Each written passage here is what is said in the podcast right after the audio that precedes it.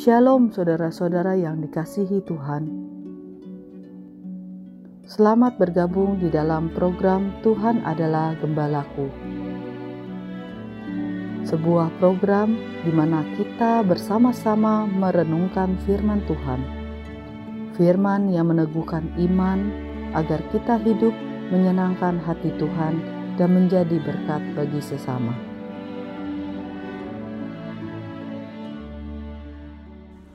Shalom saudara-saudara yang dikasih oleh Tuhan. Senang sekali bisa berjumpa kembali di dalam program Tuhan adalah Gembalaku. Saudara-saudara, di dalam kehidupan kita, di dalam aktivitas-aktivitas yang penting, pasti ada satu hal yang sangat penting yang perlu kita lakukan yang kita sebut dengan persiapan. Saudara, ketika saudara mau melakukan satu tindakan-tindakan yang penting, saya yakin saudara perlu mempersiapkan ini dan itu. Atau mungkin juga ketika kita ingin berjumpa dengan orang yang penting di dalam kehidupan kita. Saya percaya setiap kita akan mempersiapkan diri dengan baik. Mungkin saudara yang kita persiapkan adalah bagaimanakah penampilan saya ketika saya datang kepada dia. Atau mungkin saudara mempersiapkan bagaimanakah saya menyapa dia, bertutur kata dengan dia. Atau mungkin saudara memikirkan, seharusnya saya bersikap seperti apa? Kalau duduk, duduk seperti apa? Saudara saya rasa ini sesuatu yang baik, mempersiapkan diri untuk hal yang penting. Tapi pertanyaannya adalah saudara-saudara, Apakah yang Tuhan inginkan yang kita persiapkan waktu kita datang kepada Dia, menghampiri Dia? Persiapan apakah yang menyenangkan hati Tuhan?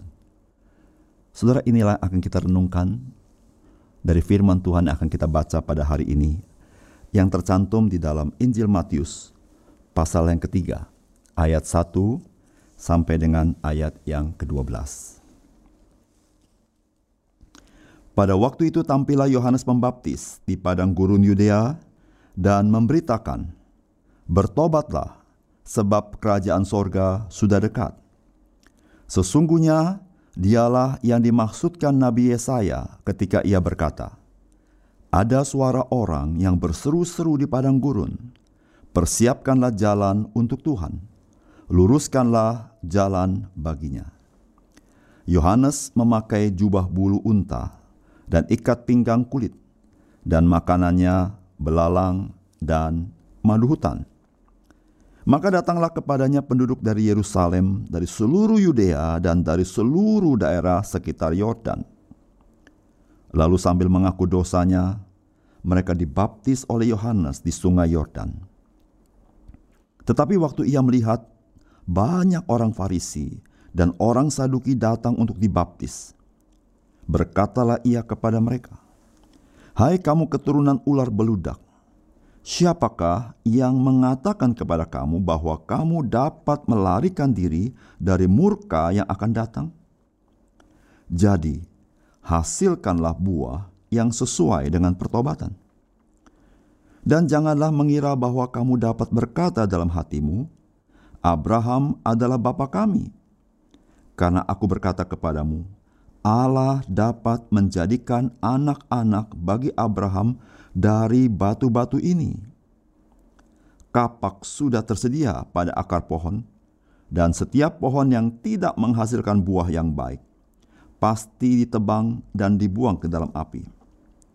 Aku membaptis kamu dengan air sebagai tanda pertobatan. Tetapi dia yang datang kemudian daripadaku lebih berkuasa daripadaku, dan aku tidak layak melepaskan kasutnya. Ia akan membaptiskan kamu dengan roh kudus dan dengan api.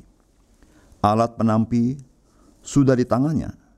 Ia akan membersihkan tempat pengirikannya dan mengumpulkan gandumnya ke dalam lumbung, tetapi debu jerami itu akan dibakarnya dalam api yang tidak terpadamkan.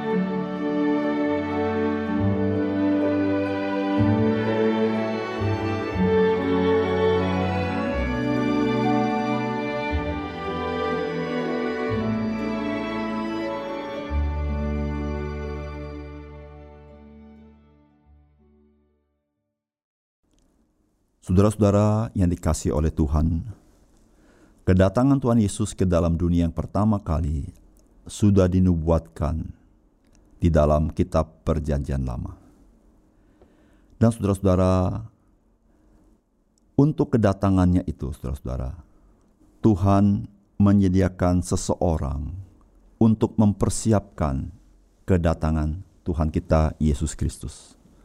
Dan itulah yang dikisahkan di dalam Injil Matius yang kita baca tadi.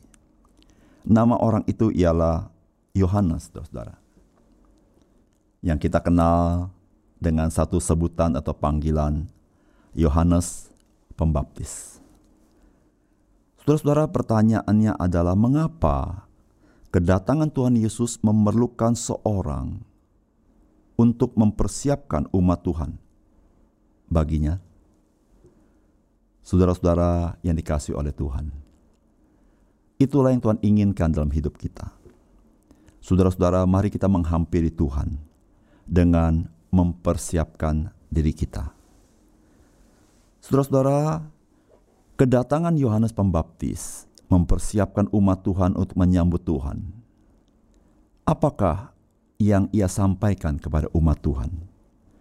Saudara, inilah yang ia sampaikan kepada umat Tuhan bertobatlah. Saudara-saudara, seruan ini bukanlah seruan yang baru, saudara-saudara. Melainkan sebuah seruan yang sebenarnya sudah ada dalam perjanjian lama, bahkan berulang-ulang disampaikan. Misalnya di dalam kitab Yesaya pasal 30 ayat 15. Sebab beginilah firman Tuhan Allah yang Maha Kudus, Allah Israel. Dengan bertobat dan tinggal diam, kamu akan diselamatkan. Dalam tinggal tenang dan percaya, terletak kekuatanmu. Saudara-saudara, apa artinya bertobat? Bertobat adalah perubahan di dalam cara pikir kita, termasuk sikap hati kita dan cara hidup kita. Tetapi saudara-saudara, di dalam perjanjian lama, kata bertobat bisa diartikan berbalik atau kembali, return. Yakni saudara-saudara, kembali kepada Tuhan, mengarah kepada Tuhan, menanggalkan dunia ini, dan kembali menjumpai Tuhan.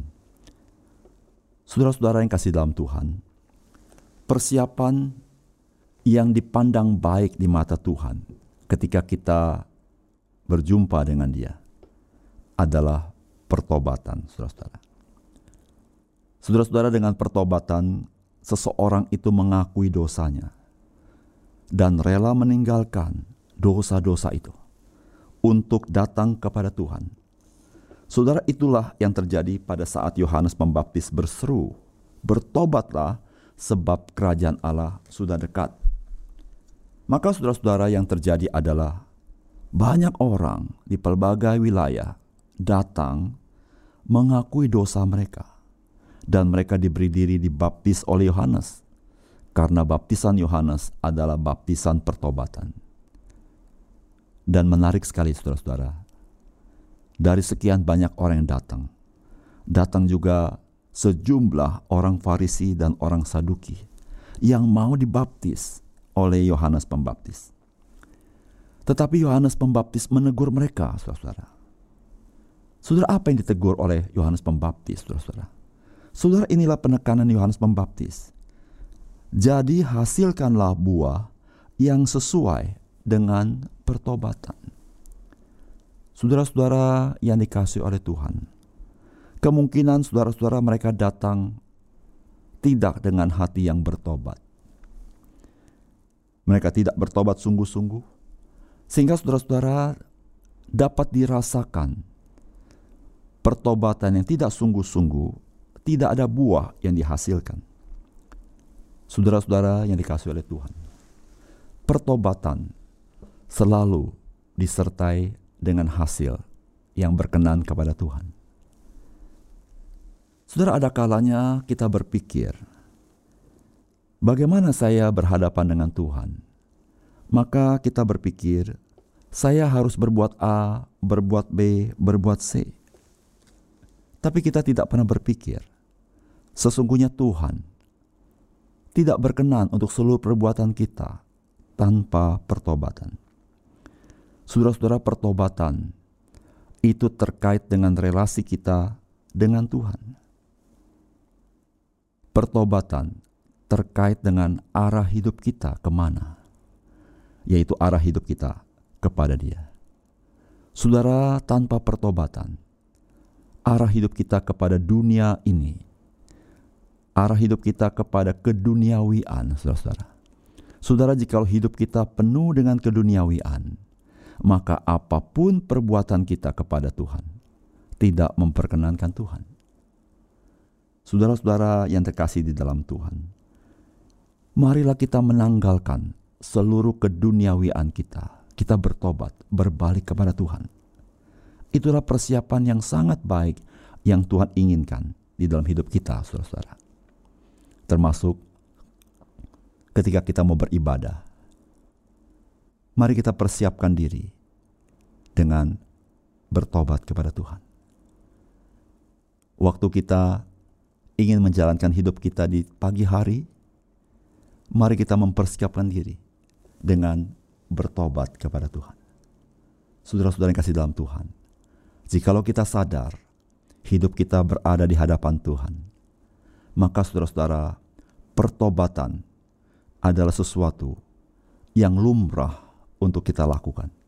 Karena kita sadar, saudara-saudara, hidup kita mau tidak mau, kita bisa mengarah kepada keduniawian.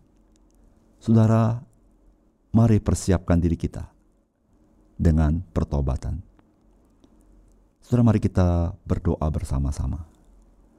Kita berdoa buat diri kita masing-masing, tapi kita berdoa juga bagi banyak orang-orang Kristen supaya mengerti pentingnya pertobatan itu dalam kehidupan mereka. Mari kita berdoa.